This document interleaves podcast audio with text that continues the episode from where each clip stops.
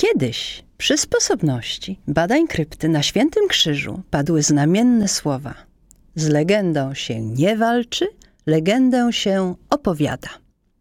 A ja dodam jeszcze, każdą legendę opowiada się po swojemu.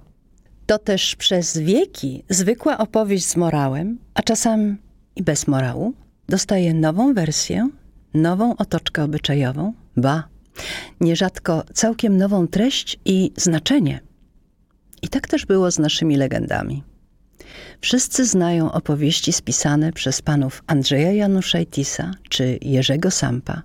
Zaczytujemy się w tych spisanych przez księdza Stanisława Bogdanowicza. Ale znamy je także z opowieści dziadków czy rodziców. A w innej wersji czytaliśmy je także w dzieciństwie.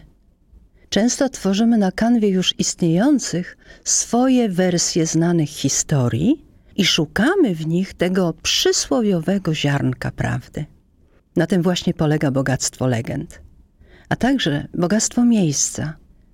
Bo trzeba pamiętać, że miasto, wieś czy obiekt bez legend są miejscami pustymi, bez duszy. Zapraszamy zatem do lektury legend spisanych przez nas, Dominikę Ikonnikow i Katarzynę Czajkowską-Stój.